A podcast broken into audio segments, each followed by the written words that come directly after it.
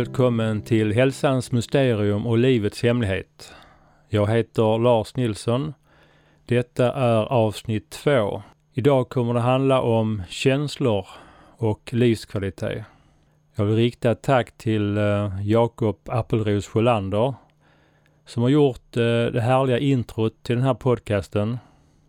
Och eh, för de som är intresserade så kommer den här uh, slingan, eller introt, finnas med på en låt på hans skiva som förhoppningsvis kommer ut nästa år. Några viktiga ledord som jag har med mig när jag själv tänker på livet och att utvecklas som människa är nyfikenhet, öppenhet och ödmjukhet. Vi behöver vara nyfikna och öppna för att kunna lära sig nya saker och ta del av nya synsätt än de som nuvarande vi har. Men det räcker inte att vi är nyfikna och öppna. Vi måste även vara ödmjuka. För vi vet ju inte allt. Och i den här podcasten kommer jag ju att prata om sånt som jag är intresserad av och sånt som jag tycker eh, är spännande. Men det är inte säkert att det är lika tänkvärt för er, men jag hoppas ju det. Då jag ber er att lyssna och reflektera även om det till början med inte stämmer med dina erfarenheter. Det pratas mycket om hälsa och livskvalitet. Jag vill att du som lyssnar funderar över vad är egentligen hälsa? Och vad är livskvalitet? Vad är skillnaden mellan hälsa och livskvalitet? Du får gärna stanna avsnittet nu och ta en liten paus på några minuter. Där du själv eller tillsammans med någon annan reflekterar över vad är hälsa och vad är livskvalitet för dig? Vad gör du helst för att må riktigt bra? Och vad är skillnaden mellan hälsa och livskvalitet? Och sen får du gärna sätta på detta avsnittet igen. För några veckor sedan ställde jag frågan på Facebook om vad är livskvalitet? Och jag tackar för de svar jag fått in. Jag tänker nu läsa upp de svaren jag fått in utan att kommentera dem närmare just nu. Men som jag ser det finns det en gemensam nämnare till alla dessa svar. Och jag hoppas att den framgår under programmet, men jag ska förtydliga det i slutet. Man kan gruppera in de olika svaren. En grupp handlar om relationer. Svaren var till exempel vara med nära och kära, familj, vänner och gemenskap.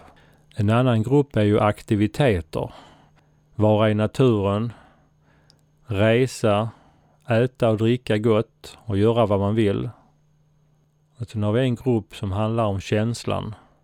Lugn och ro, harmoni, kärlek, känna sig behövd och må bra. Och några andra svar på vad livskvalitet är, är att ej ha så många måsten, en tom sida i kalendern, tillit till livet, känna sig omsluten av Guds nåd och att leva i fred. Det finns ett ordspråk som lyder en bild säger mer än tusen ord. Jag har lagt ut en bild på min hemsida www.amixe.se. Den här bilden har jag hämtat ifrån eh, ett häfte som heter Din smärta, vems ansvar? Eh, författare Gunilla Brattberg och det här häftet är utgivet av Handikappsinstitutet. Den här intressanta bilden föreställer två personer som står vid en busshållplats. En av personerna har varit med om en olycka. Personen saknar en arm och ett ben. Och det resterande benet är i gips och den amputerade armen är i en mitella. Personen står och lutar sig mot en krycka och huvudet har också bandage och plåster. Den andra personen står välklädd med hatt och slips, lång rock och dokumentportfölj. Men det som är intressant är ansiktsuttrycken. Den handikappade mannen står med stort glatt leende och tittar på en fågel som sitter på skylten vid busstoppet. Och mannen med portföljen ser väldigt arg och irriterad ut. I förra avsnittet berättade jag om hälsokorset där man delar upp sjuk och frisk och mår bra och mår dåligt. Och den här bilden sätter ju några av de begreppen eh, på sin spets. Den skadade mannen kan ju representera fältet där man hade fysisk ohälsa men att man mår bra.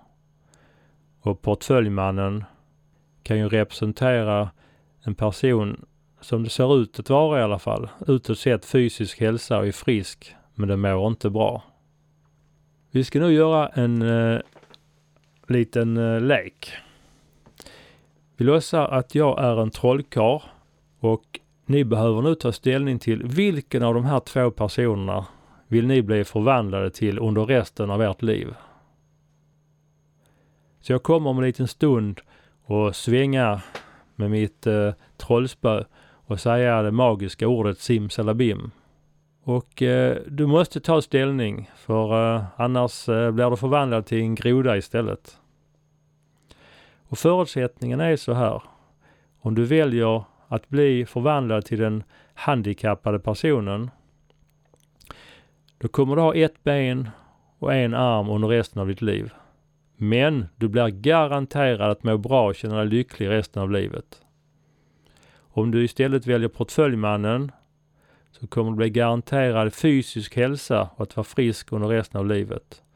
Men du kommer att vara arg och irriterad hela tiden.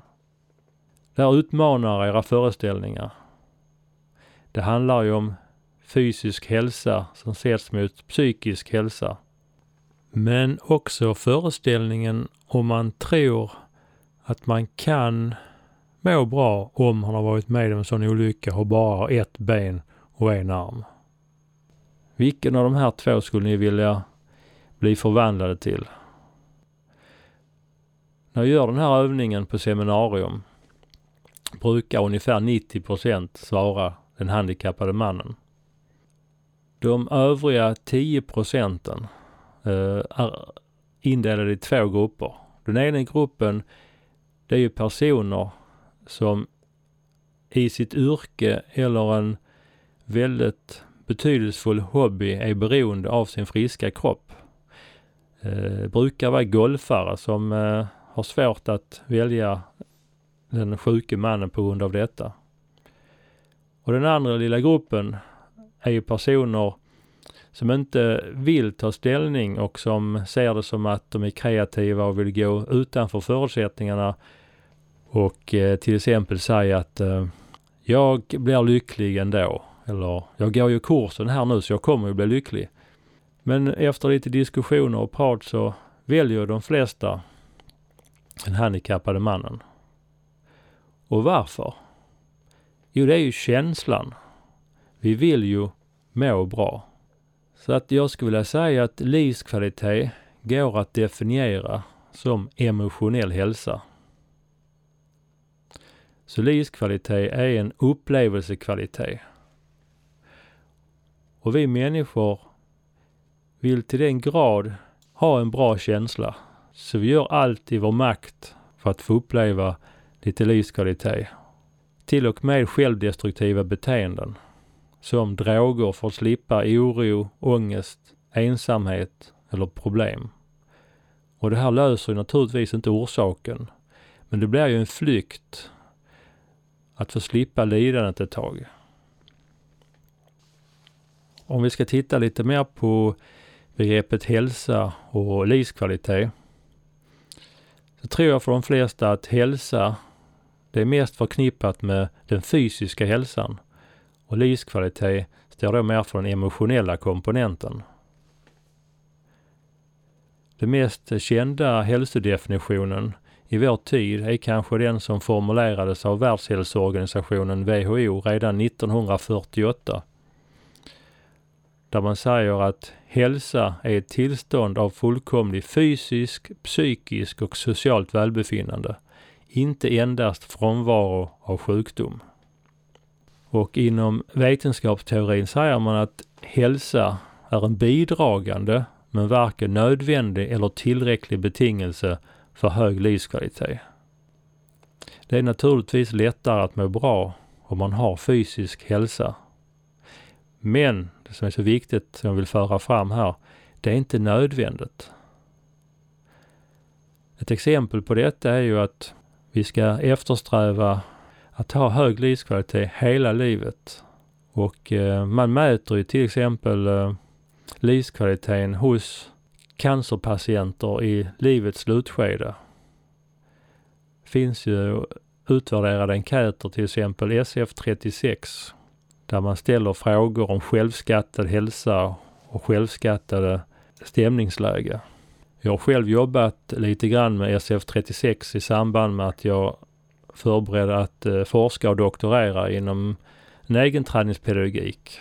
Så jag hade det här verktyget på några kurser i stresshantering och personlig utveckling. Och där kunde jag tydligt se signifikanta förändringar under kurstiden på eh, livskvaliteten enligt den här, de här skalorna. Det finns också intressanta studier gjorda på cancerpatienter som har delats in i två grupper. Båda grupperna fick precis samma vård. Men den ena gruppen fick dessutom tränas med mindfulness några gånger i veckan. Mindfulness kommer jag att prata om också senare på andra avsnitt. Och där kunde man säga att de som fick träna mindfulness fick och upplevde högre livskvalitet i slutskedet och behövde mindre smärt, smärtstillande än de som inte hade fått det. Nu ska jag tillbaka till eh, frågorna om vad är livskvalitet på Facebook. Jag tror nog många av er har reflekterat och redan kommit fram till att eh, vad den gemensamma nämnaren är på alla svaren. Och den gemensamma nämnaren är en bra känsla. Livskvalitet var ju till exempel att ha någonting med relationer att göra. Nära och kära, familj, vänner, gemenskap. Varför uppger man detta som livskvalitet? Jo, för vi mår bra av att vara med andra människor. Jag kanske skoj, trevligt, sällskap och så vidare. Den andra gruppen som hade någon form av aktivitet. Ja, varför vill man egentligen resa? Det finns olika anledningar bakom detta. Det kan vara miljöombyte, komma hemifrån, uppleva nya saker, annan kultur, koppla av. Men det ligger en känsla i detta. Och att vara i naturen, vara i trädgården, det är ett sätt att koppla av, känna inre lugn.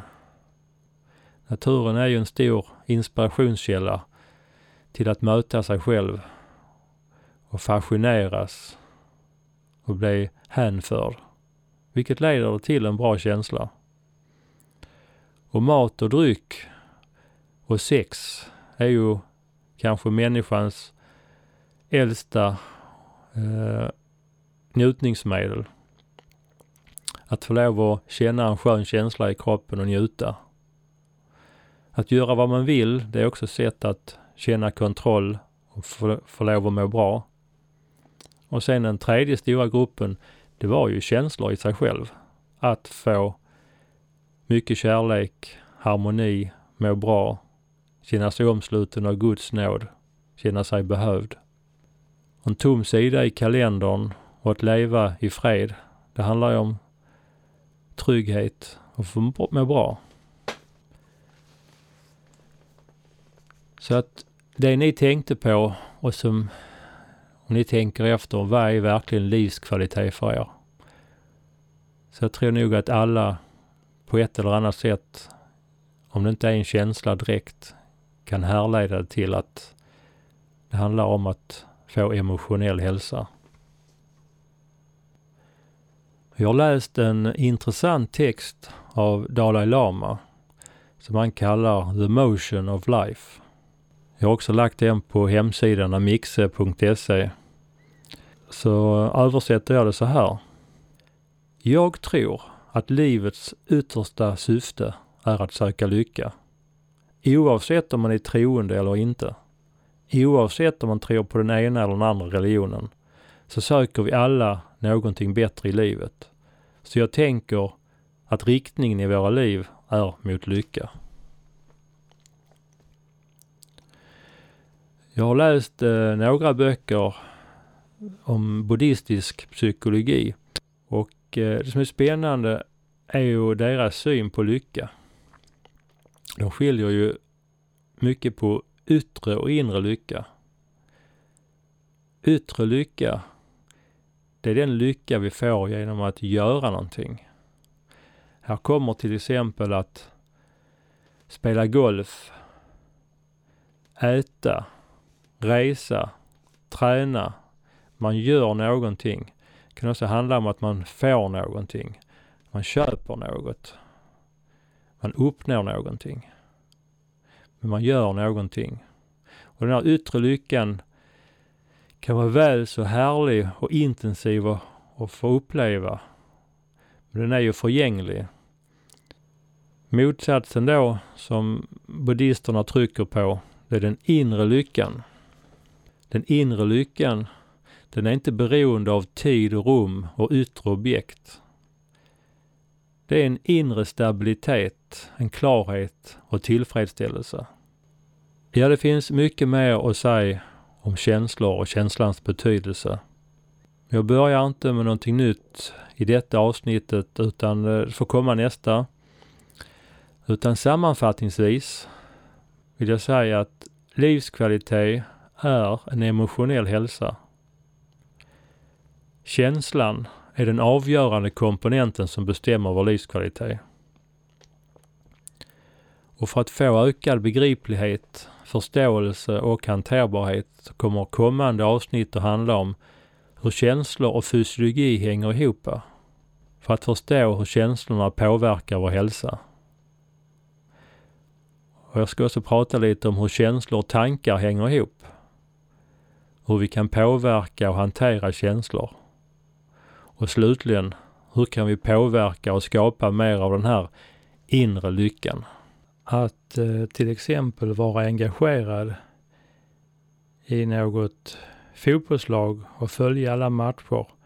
Det kan ju vara en källa till både spänning, glädje och gemenskap. Men när det inte går bra, då är det istället en orsak till besvikelse. Det borde väl vara smart att kunna hitta en lösning och ett sätt där man mår bra och känner lycka oavsett om mitt favoritlag vinner eller förlorar. Oavsett om det regnar eller inte.